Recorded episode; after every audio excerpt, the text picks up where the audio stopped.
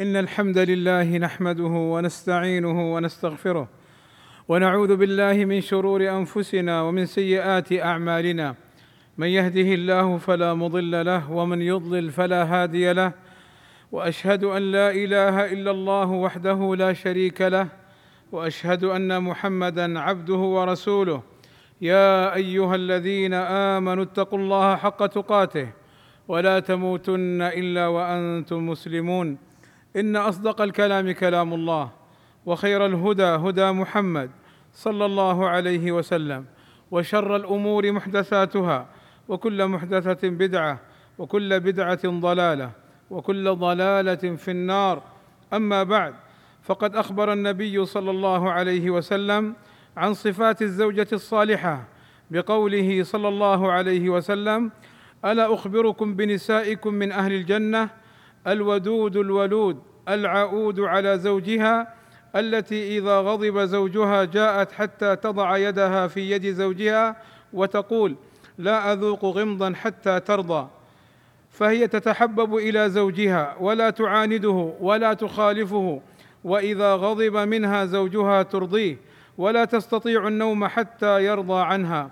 وهذا الحديث فيه أن المسلم إذا أراد أن يتزوج يبحث عن الزوجة الصالحة ذات الدين حتى تستقيم الحياة وتكون هنيئة سعيدة بإذن الله تعالى. فما نراه من بعض الناس من عدم الاهتمام بدين وخلق المرأة أمر غير صحيح بل قد يجر عليه الويلات والحياة الشقية فجمال المرأة في دينها واستقامتها وجمال الحياة معها في أخلاقها الطيبة. وهذا الحديث يدلنا على أن ما يقع من بعض الزوجات أنها لا تصالح زوجها بل تتعمد إغضابه ليس بخلق طيب بل هو من سوء خلقها. وعن حسين بن محصن رضي الله عنه قال حدثتني عمتي رضي الله عنها قالت أتيت رسول الله صلى الله عليه وسلم في بعض الحاجة فقال صلى الله عليه وسلم أي هذه أذات بعل؟ قلت نعم. فقال صلى الله عليه وسلم كيف أنت له؟ أي من زوجك.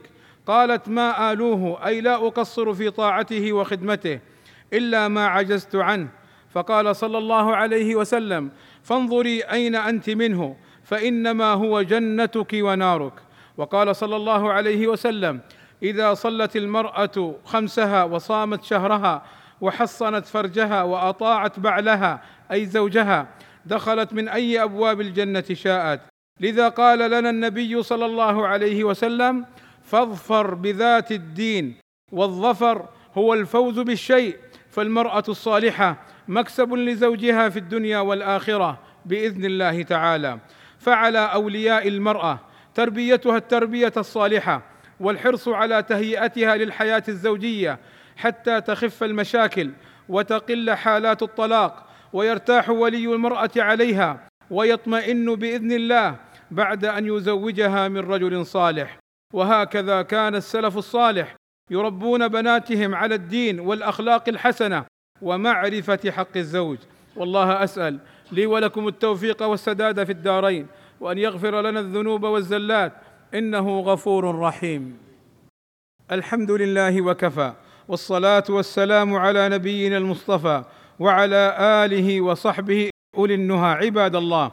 دلت الأدلة على وجوب طاعة الزوجة لزوجها وخدمته في حدود استطاعتها ويدخل في ذلك الخدمة في منزله وما يتعلق به من تربية أولاده ونحو ذلك بالمعروف.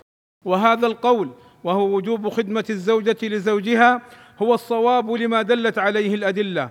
فقد اشتكت فاطمة رضي الله عنها من الرحى وأرادت خادمه. قال علي رضي الله عنه فجاءنا صلى الله عليه وسلم وقد أخذنا مضاجعنا أي للنوم فذهبنا نقوم يعني أردنا أن نستقبله. فقال صلى الله عليه وسلم على مكانكما. فجاء فقعد بيني وبينها أي بين علي وفاطمة رضي الله عنهم أجمعين حتى وجدت برد قدميه على بطني. فقال صلى الله عليه وسلم ألا أدلكما على خير مما سألتما؟ إذا أخذتما مضجعكما فسبحا ثلاثا وثلاثين واحمدا ثلاثا وثلاثين وكبر اربعا وثلاثين فهو خير لكما من خادم. فالنبي صلى الله عليه وسلم لم يقل لعلي رضي الله عنه لا خدمة لك عليها بل أرشدها وأرشدهما صلى الله عليه وسلم إلى ذكر الله قبل النوم لتتقوى على أمورها. ولا مانع أن يعين الرجل زوجته قالت أم المؤمنين عائشة رضي الله عنها كان صلى الله عليه وسلم يكون في مهنة أهله أي في حاجتهم وخدمتهم فإذا حضرت الصلاة خرج إلى الصلاة.